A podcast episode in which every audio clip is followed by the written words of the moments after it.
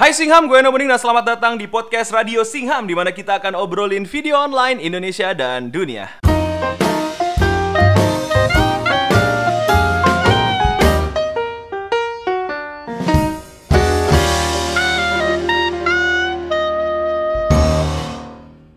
Podcast ini didengar enaknya pas lagi bulan puasa. yang lagi sahur, selamat sahur, yang lagi ngabuburit, sabar bentar lagi buka. Yang lagi di jalan nungguin uh, apa jalannya lancar ya selamat datang di Jakarta. Udah berapa tahun tinggal di sini kayak nggak ngerti aja. Yang pasti bakal nemenin kamu tanpa harus liatin videonya. Pasang headset dan silahkan lanjutkan aktivitasmu ya. Lagi nyupir lagi nungguin sahur lagi nungguin gabuburit ayo bareng-bareng kita diskusi di Radio Singham. Dan kali ini kita kedatangan tamu yang mungkin kurang populer namanya di telinga kalian Singham. Namun sebenarnya sudah banyak didiskusikan di kalangan akademisi dan politisi. Karena sempat diserang sama MCI dan jadi tamu di ELC. Oke, dan inilah dia Kania. Hai Eno. Kania apa kabar? Baik, alhamdulillah. Hmm, Kania mungkin banyak yang belum tahu tentang lu dari penonton gua nih, karena ya, waktu kita kolab kan subscriber gua masih 30 ribu. Nah ini udah ada 70 orang tambahan oh. nih. Mungkin lu bisa kenalin. Congrats by the way for the silver button. lu nyusul bentar lagi, gitu lu ya? nyusul bentar lagi. Udah kelihatan kok orang-orang udah mulai nontonin video lu nih semenjak. Banyak dipromoin lu nanti di Instagram. semenjak penyenggol-nyenggol Om Deddy nih, sepertinya penonton juga sudah mulai mengetahui eksistensi lu di dunia YouTube nih. Nah, sebenarnya karena masuk Line Today. oh, bisa jadi. Tapi okay. sebenarnya hmm. lu siapa sih gitu? Apa sih yang membuat orang-orang tuh perlu uh, merasa tertarik untuk dengerin omongan lu? Wow, this is a difficult question, with I'm, I'm gonna try to answer ya. Okay. Jadi oke, okay, pertama gini, nggak gue, gue mungkin kenalin gue dulu secara netral ya. Yeah. Maksudnya gue belum kampanye dulu. In neutral condition, uh, gue punya beberapa informasi mm -hmm. dan aja singkat aja tentang gue gitu ya. Pertama, mungkin kalau di dunia YouTube adalah beberapa orang bisa nonton gue di channel Life ID, mm-hmm. di mana gue di situ emang produser konten sekaligus host. Jadi kontennya gue yang craft dan gue juga yang nge-present sebagai presenternya gitu. Mm. Nah itu di Life ID. Tapi uh, sebelum itu mungkin banyak orang yang kenal gue itu di uh, dunia tulis menulis karena gue banyak menulis di media-media online termasuk geotimes.co.id, hmm. kureta.com dan blog gue pribadi citairlani.com. Hmm. Uh, karena gue banyak nulis tentang isu sosial politik, jadi uh, yang banyak relate sama gue mungkin mahasiswa pertamanya gitu loh kayak mahasiswa, akademisi, peneliti, uh. kemudian orang-orang yang bergelut di bidang politik. Tapi gue mau lebih banyak orang engage di dalam diskursus politik, jadi gue bawa itu dengan cara yang lebih fun di video gitu. Hmm. Kalau di tulisan gue agak serius, tapi kalau di Geolive lu bisa nonton lebih asik lah gitu. uh, Nah, uh, kenapa? nah, uh, oh ya terus gue di dalam konteks uh, pendidikan gue masih kuliah S1 di Ilmu Politik Universitas Indonesia. Dan uh, sejak gue jadi editor di Geotimes, gue banyak banget ngisi seminar-seminar uh, jurnalistik dan seminar-seminar uh, yang bahas isu politik nasional lah ya, kayak uh, pemilu, pilkada, kemudian demokrasi gitu-gitu. Yang terakhir gue diskusi 20 tahun reformasi bareng sama Budiman Sujatmiko, Usman Hamid dan yang lainnya. Gak kenal tuh, gue bergelut ke situ lah. Gue gak kenal tuh siapa. Oke, oke. Gak usah apa-apa, biarin, biarin. Gak usah dijelasin, gak usah dijelasin. Mereka biar suruh Google okay, sendiri. Okay. Uh. Uh, uh, uh, terus di YouTube juga selain gue pernah feature di di lo, misalnya di channel lo, mm -hmm. gue juga pernah feature di channelnya Pak Gulban Pamitnya Meeting di situ ada banyak orang juga yang mungkin tahu gue dari situ. Mm-hmm. Uh, di situ gue ngomongin tentang ideologi kanan kiri gitulah pokoknya. Nah itu in short, I mean uh, you know who am I. uh, Ya. Yeah. Dan itu neutral ya. Jadi kayak you know uh, lo bisa take your own stance aja gue positif atau negatif dari profile itu. Tapi kalau gue boleh campaign, kenapa lo harus dengerin gue atau kenapa lo harus nyimak ide-ide gue? Kenapa tuh? Karena gue punya idealisme untuk uh, menyebarkan science and reason di negara ini. Hmm. Jadi uh, misi gue tuh emang edukasi. So if you wanna know kayak maksudnya lo mau tahu politik dengan dengan lebih netral, maksudnya dalam artian eh, nggak uh, cuman ujuk-ujuk partisan atau ujuk-ujuk bicara pemilu atau pilih siapa pilih siapa. Uh, gue di konten-konten gue tuh banyak ngejelasin konsep-konsep dasarnya gitu loh. Hmm. Jadi kayak you know, you're, this is like the basic uh, of how you should think about it gitu. Kayak gimana cara lu memikirkannya gitu, bukan bukan ujung atau kesimpulan dari hasil berpikir itu gitu, kayak gitu. Wah, ini sangat ringkas nih saudara-saudara. Oke. Jadi mungkin penonton di rumah udah ada yang apa nih? Waduh, ada politik, waduh demokrasi, waduh science gitu kan. Mungkin udah ada yang otaknya kepanasan. Kami persilakan untuk close videonya dan mengganti menonton videonya Reza Arab, tidak apa-apa. Uh, kami akan coba terus. Oke, oke. Atau Ria Ricis. Iya, Ria Ricis boleh terserah. Kami akan uh, pelan-pelan uh, masuk ke ranah yang lebih ini ya, lebih membutuhkan otak untuk berpikir. Jadi kalau mau santai-santai, mungkin ya mohon maaf nih, bukan waktu yang tepat kita akan coba untuk diskusi yang lebih serius di sini. Coba-coba kita ya untuk coba lebih ini. Tapi serius dalam artian santai enggak yang tiba-tiba si Kani yang ngebahas uh, siapa itu Adam Smith atau Karl Marx. Tenang aja, kita nggak okay, masuk situ. Kita nggak bakal ngebahas Das Kapital di sini. Kita akan coba ngebahas tema yang lagi uh, sebenarnya sempat panas di beberapa hari lalu dan ini buat kalian para pelajar ini penting banget untuk didengerin yaitu UN dan UMBK-nya nih. Nah, itu tuh lagi hot-hotnya kan ya. Kemarin kita sempat yeah. lihat banyak orang yang memprotes tentang ujian nasional dan uh, eh, UMBK-nya ini gitu. Dan uh, lu sempat komen di Twitter lu bahwa sebenarnya uh, terutama masalah soal yang HOTS ini. Mungkin yang belum tahu HOTS ini adalah uh, high order thinking skill yang di mana katanya soal cerita ya dari matematika tapi jadi soal cerita hmm. katanya cuma 10 soal hmm. tapi itu katanya ba anjlok banget ma ma uh, murid di hmm. Indonesia yang ngambil dan banyak yang mengkritik ini kesalahan Mendikbud tapi ternyata seorang Kania hmm. di sini malah tumen-tumennya membela Mendikbud nih ada angin apa nih Kania Tumben ya, karena biasa gue ngeritik pemerintah. Ya. Iya, ya. lu kan apatis mampus uh. nih kalau di Twitter nih. Eh tiba-tiba kok. Iya dan dan by the way, by the way omongan gue dikutip gitu di Tribun News di mana-mana. Oh di mana-mana. Gue iya lu bisa cari deh lu cari aja kayak jurnalis Geo Times UNBK pasti bakal muncul tuh headline headlinenya oke okay, oke. Okay. kayak uh, tweet gua tweet gua yang dikutip. Gua tweet lo gak diajak ngobrol gak di apa tau tau dikutip aja gitu ya. Iya. bener-bener jurnalistik iya, sekarang. nah mungkin di sini kesempatan lu iya, untuk gitu. uh, uh, bisa elaborate uh, tweet-tweet lu itu bahwa kenapa sih apa poin-poin lu di yeah. sini uh, di mana lu malah di sini mengkritik para kritikus pemerintah di sini bagaimana? Thank you. Mungkin gue uh, briefnya aja dulu ya tentang mm -hmm. ini. Maksud uh, kenapa gue bersikap gitu. Jadi apa yang gue respon pada saat itu sebetulnya adalah eh, orang-orang uh, yang tiba-tiba jump to conclusion uh, untuk nyopot mendikbud gitu. Kayak hmm. nih gimana nih UNBK gini gini gini copot aja menteri kayak gitu atau misalnya hmm. hapus aja UN gitu uh, jump to that conclusion karena uh, hanya dari memes gitu. Itu problem gue yang pertama ya, hanya dari memes. Karena gini-gini, data yang muncul pada saat orang-orang bereaksi itu baru memes loh baru kayak bukan memes bahkan maksudnya komentar uh, anak-anak di Instagram Kemendikbud. Konteksnya ini adalah uh, anak-anak yang protes dan membuat meme. Uh, mereka bahkan bukan bikin meme sih. Jadi jadi mereka tuh awalnya anak-anak ini oh. cuman komentar di postingan Instagram Kemendikbud gitu. Komentar tuh maksudnya kayak e, ini ngocok dadu 600 kali itu tangan apa blender gitu. Oh. gitu-gitu. Oke okay, oke. Okay, nah, okay. terus komentar-komentar anak-anak ini didokumentasi oleh media dan dijadikan berita gitu. Nah beritanya itu yang kemudian banyak dijadikan memes di foto gitu, di capture terus jadi memes gitu. Kumpulan komentar ini yang dijadikan dasar oleh publik untuk menilai gitu UNBK atau kualitas soal UNBK. Dan itu yang paling gue sayangkan sebenarnya. Jadi yang paling gue kritik itu sebenarnya dasar lo melakukan judgement itu buruk sekali gitu. Jadi uh, kayak orang itu banyak orang-orang berhasil membuat jokes dari soal dan itu dijadikan alat untuk menyerang gitu. Padahal everything can yeah. turn into be a jokes tergantung seberapa lu jago ngemasnya kan bukan masalah itu hal lu dan maksudnya gak. iya dan maksudnya belum tentu juga misalnya anak itu ngomong hmm. uh, yang tadi itu tangan apa ngocok 600 ngocok dadu 600 kali tangan apa blender misalnya kayak gitu apa yang bisa lu dapet coba dari, dari jokes kayak gitu lu kan nggak bisa mengatakan bahwa soal itu buruk atau baik dong misalnya lu bahkan cuma denger soal itu sepotong gitu kan ya kan itu satu oh, iya, iya. yang kedua uh, lu nggak lu juga belum tahu hasilnya misalnya. Lu belum lu belum dapat data apa pun lah intinya selain komentar di Instagram. Hmm. dan lu udah melakukan judgement terhadap kualitas soal. Itu menurut gua jumping to conclusionnya berlebihan gitu. Nah itu sebenarnya kritik pertama gua. Kayak maksud gua what? Really? gitu. Jadi gue mengkritik publik kenapa lo mengevaluasi pendidikan lewat memes? Itu salah banget gitu. Itu satu. Hmm.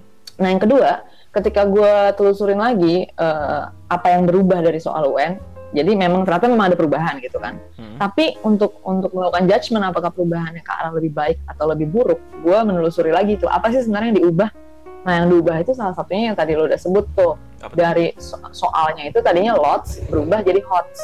Gua nggak tahu lots itu apa. Nah, eh, secara sederhana sebenarnya lots itu eh, thinking in terms of what gitu. Maksudnya lo cuma mengejar mengetahui apa. Nah, tapi kalau hots eh, yang dikejar adalah lo mengetahui mengapa, bagaimana, analytical gitu loh. Hmm, jadi Jadi, nah, gue mau kasih contoh aja kali ya. ah. boleh boleh, contoh aja. Hmm. Kalau lo bikin soal lots, lo bakal tanya siapa nama Bupati Wakanda. Eh, siapa? Kalau lo bikin soal nah, ngerti kan? Nah, Ah. lots itu gitu. Jadi kayak dan, dan kalau lo tahu juga what's the point gitu. Kayak Ah. lo tahu nama Bupati Wakanda, what's the point gitu kan? Atau Oke. misalnya apa nama alat musik asli Wakanda gitu. Itu Ah. kalau lots tuh kayak gitu. Hmm. Jadi in- thinking in terms of what gitu kan, apa. Tapi kalau hots yang ditanya adalah faktor apa yang membuat Wakanda mengalami kemajuan teknologi tanpa perubahan budaya. Oh, sederhananya boleh nggak gue bilang diminta yang satu hafalan, yang satu pemahaman. Iya, boleh. Lo boleh banget bilang kayak gitu. Exactly. Nah, kenapa yang satu menjadi hafalan? Karena basisnya LOTS adalah knowledge atau informasi atau pengetahuan. Hmm. Sementara pendidikan itu harusnya bukan mengejar knowledge, tapi structure of thinking. Gini, gue gue harusnya kalau misalnya otak lo tuh sebuah gelas, yang gue kejar harusnya adalah bentuk gelas yang baik, kuat, gitu, Mm-mm. uh, bahan yang bahan yang kuat. Bukan bukan gue fokus mengisi dengan mengisi air gitu ke situ. Nah, knowledge itu kan lu cuma ngisi aja kan ke otak lo gitu informasi. Tapi gue nggak tahu nih otak lu memproses informasi ini bagaimana. gitu. Oh, Nah, ya ya ya ya. ya. mengejar cara lo berpikir, cara lo memproses informasi itu. Sementara kalau lots itu hanya sibuk mengisi informasi ke dalam kepala lo. Sementara hari ini informasi itu udah ada semuanya di Wikipedia sama Google. Jadi otak lo tuh nggak nggak perlu sebenarnya melakukan itu gitu loh. Mengingat siapa nama Bupati Wakanda, mengingat jumlah populasi Sumatera Utara, nggak perlu gitu. Ja- jadi kayak juga apa bayar mahal-mahal sekolah tuh kayak nggak perlu kita ngafalin eh, apa ibu kota Bangladesh dan lain-lain ya. Tapi kenapa Bangladesh Iya, jadi ibu exactly. kota? Nah, benar awalnya dan lo bisa melakukan anali- analisis di sana gitu. Eh, kenapa ya gitu? Nah, lo punya informasi-informasi, kemudian lo coba connecting the dots. Itu yang dicari sama HOTS. Makanya orang bilang mungkin jadi lebih susah karena kalau lo terbiasa dengan menghafal, ya tentu saja jadi susah dong. Karena Oh, iya, anak iya. sekarang itu kan, eh, anak sekolah itu kan banyak banget yang bahkan nggak ngerti apa yang dia pelajarin sendiri. Nggak, Jadi dia cuma hafal doang. ya nggak sih? Iya, Kayak iya. misalnya gue pernah, gue pernah, gue pernah diceritain sama teman gue yang guru bimbel gitu, Hmm. bilang kalau ada murid SMA ditanya, kamu udah dapat materi metodologi ilmiah belum? Terus dia bilang, "Eh, iya udah, itu biologi kan. Ya. Padahal metodologi Ya. ilmiah itu kan bukan biologi. metodologi ilmiah itu kan everywhere ya sih? Iya itu di semua di semua ilmu. Iya lo pakai metodologi ilmiah. Bahkan di dalam kehidupan lo sehari-hari ya lo harusnya pakai metodologi ilmiah gitu. So lo harus berpikir ilmiah. Tapi karena dia menghafal, maka yang dia ingat adalah metodologi ilmiah sama dengan biologi. Ternyata murid-murid di sini tuh yang protes, yang nggak paham di sini adalah mereka memang terbiasa menghafal dan ketika mendapatkan soal pemahaman mereka panik. Terus eh, de- Iya. dengan ketidakbiasaan mereka dan di mana Menteri Pendidikan di sini ternyata eh, prasangka baik lu adalah pengen membuat perubahan mungkin ya, tapi malah Iya, orang-orang iya. bilang jangan balik ke lot saja. Gitu poin lo ya. Iya iya disuruh balik lagi kan suruh eh, kan pada nah, habis itu sentimennya pada negatif banget ya sama soal-soal hots ini gitu. Hmm. Bahkan eh, apalagi ditambah dengan narasinya eh, apa tuh namanya KPAI yang nyebut ini sebagai abuse lah maksudnya sebagai eh, malpraktek pendidikan gitu-gitu loh. Maksudnya narasi-narasi bang. Iya iya. Nanti lu cari aja di Deadline pasti ada. Nah maksud gue gini, kritik itu boleh, tapi sentimennya ini yang terlalu anti terhadap soal-soal baru dari eh, dengan standar HOTS ini menurut gue salah, salah kaprah. Hmm. Karena menurut gue kita bergerak ke arah yang lebih baik sebenarnya. Tapi gue bisa berempati terhadap kritiknya, maksudnya dalam artian eh, orang merasa kaget gitu, karena perubahannya kan di di ujung ya, dalam artian di soal gitu kan Iya, bukan harusnya kan lu ubah di titik awal iya harusnya lu ubah di proses awalnya gitu kan proses pendidikannya proses persiapannya baru berubah soalnya tapi ternyata kan orang merasa guru-guru juga banyak yang protes bahwa enggak ini tiba-tiba aja soalnya berubah kayak gini gitu. Pada bilang gitu kan. Eh, konsep nolaknya juga gara-gara gini kayak gimana nih kalau misalnya soalnya susah kayak gini anak-anak nggak bisa ngerjain dong kan aneh gitu loh maksudnya Iya? Atau sesederhana, Nah. lu kan udah mau lulus SMA nih. Kalau misalnya lu mau gampang, kita kasih soal SD aja, biar lulus kalian semua. nggak ada nggak ada pengujian kan berarti ya udah lulusin aja kalau lu pada mau Nah. lulus doang kan gitu. Exactly. Di sini gue ngeliat emang ada yang salah juga dalam budaya kita berpendidikan gitu atau bersekolah. Apa tuh menurut Jadi anak-anak tuh kayaknya terlalu anak-anak dan guru itu kayak terlalu terobsesi pada nilai. Jadi Hmm. eh, yang paling dipersoalkan dari UN kemarin terutama setelah keluar hasilnya ya tuh kan nilai anak-anak jadi jeblok gitu buat gue harusnya bukan begitu standar keberhasilan lo dalam dalam menge- mengenyam pendidikan harusnya bukan nilai tetapi understanding ya nggak sih Hmm. pemahaman lo terhadap hal-hal yang lo pelajarin karena nilai lo berapapun itu jadi nggak relevan ketika lo sebenarnya nggak ngerti apa yang lo pelajarin ya nggak sih Iya. kalau lu cuman fokus di lots, lu kan cuman fokus ngisi knowledge ya atau Hmm. informasi ke dalam kepala lu nih. Padahal informasi itu bisa berubah. Hmm. Jadi informasi itu bisa terupdate kan. Iya. Jadi bayangin lu udah hafal nih misalnya lu udah hafal semua nama bupati di seluruh Indonesia. Hmm. Lima tahun lagi mereka udah ganti semua gitu loh. Jadi informasi di kepala lu tuh gak ada gunanya ngerti gak? Karena informasi itu berubah gitu. Oh, Nah makanya kenapa iya. hots itu penting? Karena yang lo kejar tuh adalah bagaimana kepala lo memproses informasi. Sehingga mau informasinya berubah, mau apa, lo akan bisa mengerti cara memprosesnya gitu loh. Gue juga inget tuh dulu gue diajarin kalau tumbuhan eh, pagi hari nafasnya oksigen, malam hari eh, apa? Eh kebalik pagi hari Iya. karbon dioksida, malam hari oksigen. Pas SMP diganti. Ternyata itu oksigen proses me- metamorfosis. Eh karbon dioksida itu proses metamorfosis, nafasnya tetap oksigen. Terus Nah, apalagi deh update lagi. Jadi yang bener yang mana? nah, exactly. Sehingga lo akhirnya cuman cuman tahu informasi ya kan. Padahal yang harusnya dibedah itu misalnya dalam konteks itu Hmm. adalah membedah literally cara kerja tumbuhan ini gitu loh. Bukan lo hafalin satu-satu. Kalau kita kan belajar hafalin satu-satu kan. Hmm. Pencernaan begini, penglihatan begini, Hmm. pernafasan begini dan sebagainya. Hmm. Padahal kalau di dalam satu tubuh kita harus lihat itu secara terintegrasi sehingga kita mengerti ketika sebuah zat masuk ke dalam sebuah organisme apa yang terjadi terhadap zat itu Oh. bukan hanya menghafalkan secara terpisah sehingga kita nggak bisa menganalisis kan kayak tadi misalnya kita jadi bingung Loh, berarti yang benar yang mana kita cuma ngafalin doang kan nah kalau misalnya lo pakai HOTS sebenarnya lo bahkan boleh banget yang namanya open book gitu. Oh gitu. Jadi lo boleh buka Google. Iya iya kalau lo pakai HOTS kan gue kan nggak bakal nanya apa. Jadi lo buka aja Google. Iya lah gue gue cuma nanya misal iya lah misalnya gue gue nanya apa misalnya eh, buah itu muncul dari dari mana gitu. Dalam tumbuhan dari hasil proses apa dan dia itu apa misal. Gue selalu jelasin kayak gitu. Nggak mungkin lo bisa ngecek di Google what is fruit? Nggak mungkin. Yang lo harus jelasin kan buah itu dia hasil dari apa dalam dalam tumbuhan. Maka lo mau googling pun ya gue gak ada urusan lo gak bakal bisa juga jawab itu gitu karena dia harus lo harus menganalisis terus menganalisis dari dari informasi-informasi gitu Wih, ini ide bagus sih Singham. Jadi mendingan kita kejar buat hot saja lu open book loh. Gila, lu kapan lagi ujian nasional open book? lu jangan Hmm. jangan tiba-tiba langsung alergi sama soal-soal kayak gini. Ini malah kesempatan lu ujian nasional. Mending kalau SMP nih SMA nih lu SMA bayangin men lu per- generasi pertama ujian nasional open book ya. Beh, googling lu hand- handphone boleh keluar lu. Pengawas mau googling Wikipedia lo buka Wikipedia boleh Iya padahal nggak? Ada hubungan nanti tuh. Lo buka Wikipedia lo harus cari referensinya sampai berapa ratus buat nyari koneksinya kalau lo nggak ngerti itu. Iya, nggak sempet. Sejam lo Lu kayak soal matematika kemarin sih gitu ya. Nih soal matematika kemarin kalau Ah. lo cuma tahu rumusnya Oh. lo nggak bakal bisa jawab karena ketika soal ceritanya itu analytical Hmm. lo nggak tahu naruh rumusnya di mana Iya, atau gue bingung nih pilih rumus yang mana buat soal yang ini. nah itu dia jadi sebenarnya ya nggak apa-apa aja lo buka aja lo belum bisa jawab juga karena yang gue kejar kan bukan itu bukan lo mengingat rumusnya atau mengingat semua informasi ini Hmm. tapi gue mengejar lo bisa mengkoneksikan informasi itu dengan benar gitu jadi cara berpikir lo yang dibangun Jadi ingat masa itu ya, lu disuruh nggak sih waktu sekolah tuh yang ngafalin perkalian 1 sampai 10 ya? Di tes gua tuh Iya, semuanya iya, mesti iya. hafal. Terus gua gua tuh sempat nanya, "Bukan pakai sempoa atau kalkulator bisa?" Terus guru gue bilangnya, "Nanti ada suatu zaman di mana kalkulator dan sempoa itu mati, kamu ntar mikirnya gimana?" Ya ini udah sampai Nah, itu ngawur 2018, kalkulatornya udah nyatu sama handphone, Bu. Gimana dong? Iya itu ngawur banget karena karena ke, ke perubahan itu nggak nggak ada kemungkinan mundur begitu sih menurut gue ya. kecuali tiba-tiba ada perubahan besar secara alami ya maksudnya ada perubahan struktur udara atau, atau Iya. you know kayak perubahan perubahan alam luar biasa di mana kita udah punah juga sih Dari semua ini kan ya, sebenarnya berarti lu tuh setuju untuk UN tuh ditiadakan apa lu malah setuju untuk UN tetap ada?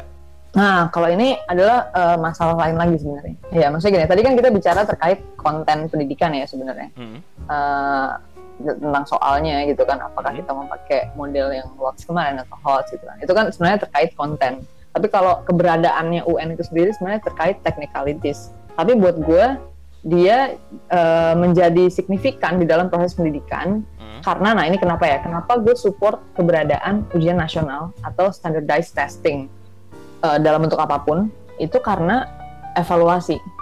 Oh. jadi gue nih kalau misalnya gue ngajar misalnya gue pasti banget harus melakukan yang namanya post test gitu ketika lo ngasih materi habis itu lo tetap harus tes hasil dari pemberian materi itu masuk nggak? Hmm. nah national standardized testing itu buat gue gunanya itu. Karena gini lu bikin kurikulum nasional kecuali lu bikin kurikulum per sekolah ya masing-masing bebas. Maka lu harus bisa menguji outputnya itu nasional gitu loh. Maksudnya outputnya dalam dalam dalam uh, tataran nasional sama atau atau berhasil mencapai KPI yang lu mau capai gitu loh in the first place. Oke okay, ngerti jadi ujian nasional, ujian berstandarisasi ini buat gue penting untuk mengevaluasi sebetulnya berhasil nggak kurikulum lo diterapkan di seluruh Indonesia gitu. Eh, selama sistem kebijakannya adalah menstandarisasi kurikulum nasional. Tapi kalau misalnya sekolahnya iya. udah standarisasi sekolah masing-masing, which is kapitalis Masing, banget. Nah, secara bebas. Suka-suka ya, sekolahnya. Itu terserah mereka mau bikin. Ya ketika mereka bikin ujian akhir ya terserah mereka kan bikin ujian sendiri gitu kan. Uh. Tapi kalau misalnya mereka kalau misalnya kita masih kurikulum nasional, kita harus punya cara dong untuk mengevaluasi apakah uh, pendidikan kita berhasil gitu. In the first place, kita sebenarnya mencapai apa sih gitu loh. Kita harus tahu. Nah, buat gue uh, standardized testing ini akan bisa menunjukkan itu gitu. Oh ternyata anak-anak kita kemampuannya baru segini atau oh ternyata penyerapan materi kemarin segini kayak gitu loh.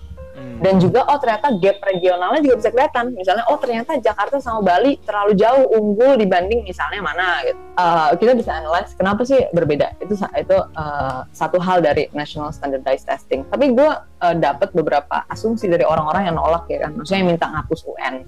Salah satu argumen yang paling gue kesel tuh adalah ya ngapain sih ada UN anak-anak kan kemampuannya beda-beda gitu kan Nanti nggak lo? Jadi kayak masa semua orang suruh bisa matematika? Lo pernah dengar nggak sih argumen-argumen oh, pernah, pernah, gitu? Pernah, pernah, Gue pakai argumen itu tapi bukan untuk di UN sih. Nah argumen mereka misalnya di UN, iya gue ngerti kalau lo pakai argumen itu di tempat lain sebenarnya mungkin bisa pas ya. Uh. Tapi ketika lo taruh itu di UN, yang bikin gak pas tuh gini. Kalau kalau lo meminta dia dihapus UN gara-gara kemampuan orang beda-beda itu menurut gue ng ngawur karena lo in the first place kalau gitu ya lo nggak usah ngenyam pendidikan matematika, ngerti nggak? Uh. Karena UN itu cuma untuk menguji lo menerima materi atau enggak Nah sekarang gini, gue gue ngejelasin contohnya sih sebenarnya contoh yang paling gampang gini. Ketika gue kasih lo materi materi matematika nih selama lo sekolah, hmm. masa gue kasih ujian lo ujian agama? kan nggak masuk akal. Ya pasti gue kasih ujian matematika lah ya nggak. Uh -uh. Nah kalau lo nggak mau ada ujian matematika, ya lo mau belajar matematika in the first place. Ya belajar yang lain. Kalau lo belajar menjahit, gue nggak perlu kasih lo ujian matematika. Yeah, Kalau yeah. lu belajar masak, lu nggak perlu kasih lu ujian sains. Lah, uh. lu sekolah 12 tahun belajar matematika, sains, IPS lah, terus lu minta gue nggak menguji itu. Man, where's your logic? Bapak kayak Lia atau apa sih IF gitu-gitu ya kan buat les bahasa Inggris kan. Iya. Nggak mungkin in the end yeah. bakal dites bahasa Spanyol exactly makanya kalau lo nggak mau maksudnya gini kalau lo bilang semua anak tuh kemampuannya beda-beda ya berarti di awalnya dong yang lo bikin beda dari awal lo ngapain di sekolah itu yang udah tahu ngajarnya matematika sains dan lain-lain ya lo mendingan belajar yang lain ya lo sekolah aja sekolah sepak bola sekolah hmm. piano sekolah yang lain-lain lah yang di mana kalau buat gue ya itu semua equal aja sebagai sebuah pilihan untuk lo merasa mana yang paling pas buat hidup lo gitu bisa juga memang kita perlu standar tertentu gitu loh. Maksudnya kita perlu ada rata literasi untuk semua masyarakat seberapa. Sehingga tetap aja harus ada kayak ambang bawahnya gitu. Mm-hmm. At the very least, lo ngerti matematika segini lah gitu. Yeah, nah itulah yang ya. dinamakan yeah. dengan KKM, KKM gitu, kriteria kelulusan minimal. Jadi kalaupun UN menjadi kriteria kelulusan, menurut gue itu pun sah aja selama soalnya itu benar satu. Yang kedua ada kerangka tujuan tertentu yang yang yang benar gitu loh maksudnya untuk menuju literasi rata-rata yang pas gitu untuk seluruh masyarakat. Hmm. Tapi itu tentu mungkin saja masih jauh ya kondisi idealnya karena kita masih terbentur uh, ini apa namanya inequality gitu, gap gap antar daerah gitu, gap teknologi dan sebagainya yang bikin kita susah kalau mau menerapkan standar literasi yang sama di seluruh daerah gitu kan. Hmm. Jadi kita lupakan saja dulu UN sebagai standar kelulusan. Tapi UN sebagai sebuah standar soal untuk semua orang untuk mencari uh, keberhasilan pendidikan kita itu sebenarnya uh, bagus aja dan kalaupun kita memberikan matematika sains dasar kepada semua orang itu menurut gue juga bagus aja karena bukan berarti lu harus menjadi ahli matematika kan tapi lu harus tahu matematika dasar kayak gitu loh maksudnya ngerti gak? jadi yeah, yeah. ada ada basic basic literasi yang kita semua emang harus punya gitu ya supaya lu nggak percaya ketika ada orang ngomong bawang putih dimasukin ke air diaduk-aduk terus jadi obat kanker gitu Iya kan, lu akan percaya aja gitu orang ngomong kayak gitu. Atau iya orang-orang yang lain yang sekarang lagi hits kan banyak banget tuh hoax-hoax yang ngawur-ngawur gitu kan. Maksudnya yang intinya itu sebenarnya menunjukkan bahwa betapa ngawurnya basic science literacy kita gitu. Hmm. Nah sehingga gue tetap melihat gini, walaupun setiap orang kemampuannya beda-beda, tapi untuk pendidikan dasar, gue tetap ngerasa ada certain ilmu atau pelajaran yang tetap harus ada. Hmm. Nah, argumen yang lain kan yang di, yang bikin orang nolak adalah tentang gap tadi ya, tentang kesenjangan. Ya nggak bisa dong diterapin UN kan ada kesenjangan antar daerah. Nah, bahkan menurut gue justru exactly kesenjangan antar daerah itu menjustifikasi kenapa harus ada UN. Karena hmm. dengan ada UN lah kita tahu ada kesenjangan itu gitu. Iya, iya, iya. Kalau misalnya nggak ada UN, uh... nggak tahu lah senjang dari mana orang soalnya aja beda-beda, gue nggak tahu dong senjangannya. Yang ada nilainya seluruh satu Indonesia nilainya 90 semua. Berarti gue pikir, oh berarti pendidikan itu sudah merata. Gitu. Berarti teknologi itu sudah merata. Berarti kecerdasan itu sudah merata. Sebenarnya enggak kan? Ngawur ternyata kan orang orang datanya ngawur. Uh, oke okay, oke. Okay. We got a lot of new knowledge here, Singham uh, gue sih otaknya udah berasap nggak tau kalau kalian ya. Kan ini ada yang mau disampaikan lagi nggak nih buat penonton di rumah nih yang mungkin otaknya sudah mendidih mendengarkan obrolan cukup cukup bobot ini?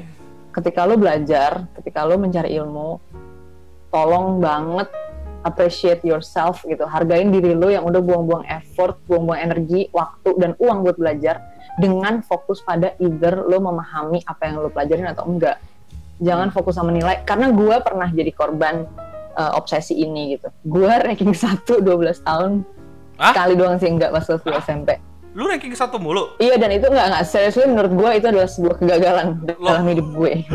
gue seumur hidup gak pernah ranking satu. makanya makanya ini ini you have to listen to this. Oh, Kalau dengerin gue dulu. Kita mendengar pengalaman orang yang seumur hidupnya mengalami ranking satu guys dengerin. uh, Iya uh, gue gue punya gue punya nyokap mungkin kayak nyokap mungkin kayak banyak nyokap lah di, di Indonesia gitu hmm. kayak banyak parents di Indonesia yang ngotot banget untuk punya anak pinter dengan standarnya itu adalah ranking satu hmm. nilai tinggi gue olimpiade sains olimpiade biologi dua kali hmm. uh, eh, gue harus kompetisi gue harus compete gue harus buktiin kalau gue pinter uh, dan dan buktiinnya itu di, dengan cara seperti itu gitu yang di mana sangat bahaya sekali kalau di Indonesia ini karena ketika kurikulumnya ngawur soal-soal yang diberikan ngawur gue terbiasa membuat diri gue ngawur untuk bisa mencapai ranking satu gitu ngerti gak? Oke oke oke. Jadi cuma demi nilai gue 100 nih ya kan? Misalnya demi nilai gue 100 nih ya gue hafalin aja semua semua semua gue hafalin. Gue don't give a fuck apakah gue inget atau apakah gue ngerti atau enggak gitu. Jadi gue inget inget inget inget aja. Kira otak gue tuh mendidih cuma buat ngafalin ini itu ini itu ini itu gitu semua itu untuk ranking satu. Dan gue ngerti pasti banyak orang yang mengalami ini karena ada tekanan dari orang tua. Dan gue mengalami itu dan gue merasa ini adalah kegagalan terbesar dalam hidup gue karena gue sudah membiak udah membuang-buang 12 tahun hidup gue hanya untuk mengejar nilai dan gue nggak berpikir in terms of apakah gue memahami apa yang gue pelajarin atau enggak. Hmm. Sampai pada titik di mana ketika gue uh, setelah selesai sekolah, gue baru menyadari betapa banyak sekali ilmu tentang kehidupan yang gue nggak ngerti gitu loh. Setelah gue masuk fisik. Uh, dan akhirnya gue mulai membaca-baca buku yang memang bener-bener gue dalam mode dalam dalam uh, mode belajar gitu dalam mode mencari ilmu gitu. Gue merasa sangat enlightened gitu loh maksudnya merasa sangat tercerahkan karena gue akhirnya memahami gitu memahami whatever it is yang gue cuma bisa kayak baca doang. Uh, titik pertama pencerahan gue bukan di setelah lulus deng tapi setelah gue olimpiade tingkat nasional. Karena kalau di tingkat nasional lo bakal ketemu materi dan kurikulum yang mengutamakan pemahaman dan analitik banget. Nah di situ gue baru nyadar betapa salahnya cara gue belajar di sekolah gitu. Nah ketika lo udah menemukan itu, lo akan senang sekali mempelajari sesuatu dan dan lo akan bangga mau nilai lo berapapun tapi lo akan bangga ketika lo mendapati sebuah jawaban atau kesimpulan atas sebuah fenomena dengan hasil berpikir gitu gitu dan itu yang selalu gue ajak di dalam channel gue dan di mana pun gue menulis atau bikin konten kayak mari rayakan berpikir. Oke, okay. yeah. gila udah okay. almost one hour kita bersama di mm -hmm. diskusi mm. panas-panas ini. Bagaimana? Ada yang sudah wow. batal puasanya di rumah? Ada yang sudah sahur? Kapan kalian mendengar ini? Saya tidak tahu. Uh, thank you Kania yang udah mau sharing-sharing nih dan mau membumi lah bahasanya maklum kami masih belum terlalu jago sama begini-beginian. Thank you banget udah mau sharing masalah kayak gini-ginian. Sangat-sangat mencerahkan.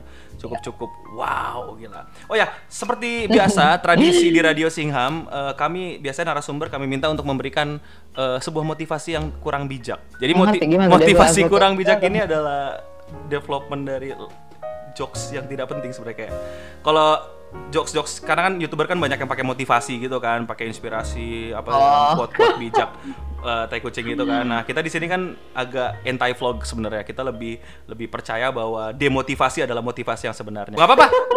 Nggak lucunya pun nggak apa-apa. It's, it's okay. Ya ngawur tapi le lebih dicoba itu untuk bisa membuat orang tuh kayak hah gimana? Gitu. Oke. okay, coba oke okay. Uh, Bingung dia. Uh, lo tau gak? lo tau gak sih kalau orang pintar itu rata-rata males. Jadi buat jadi pintar lo harus Ya, lo jawab sendiri. Oke, okay, tepuk tangan buat Kania. Oke, okay, semoga bisa dicerna dengan baik. Uh -uh. Thank you Kania, thank you banget udah mau berbagi di sini. Thank you, Singham. Bye. Thank you, thank you banget. Oke. Okay. Thank you for having me. Ya, gimana sih Ham? Udah meledak nggak palanya? Apa udah nge-close video gue dari tadi dan baru balik lagi? tapi ya itu sih gue pengen juga Radio Singham bisa ngebahas hal-hal yang kayak gini lebih mendalam dan lebih ngajak kalian semua untuk mikir lebih padat lagi, lebih berat lagi, lebih kerja keras lagi otaknya. Thank you buat udah nonton Radio Singham. Jangan lupa komen di bawah gimana pendapat kalian. Undang siapa lagi? Undang Kania lagi kah? Bahas apa lagi sama Kania kah? Uh, jangan lupa juga untuk share video ini. Ajak teman-teman kalian dengerin bareng Radio Singham deh biar apa ya terbuka pikirannya gitu loh biar ada apa in, informasi baru ilmu baru yang mungkin bisa kalian diskusikan lagi sama teman-teman kalian di rumah di kosan dan di tempat nongkrong kalian ya kan? Sambil kerja kelompok sambil dengerin radio Singham ya kan? Yang satu main Mobile Legend yang satu ngerjain total gitu kan? Untung dibayar pakai pizza. Kalau gue sih waktu itu di warnet Singham jangan lupa subscribe. Kalau belum subscribe, kalau belum subscribe nggak mungkin gue panggil lo Singham. Jangan lupa juga untuk uh, apa ya like, uh, apa? Uh, ya udah itu aja. Yang paling penting Singham untuk kita semua. Stay clean and sound.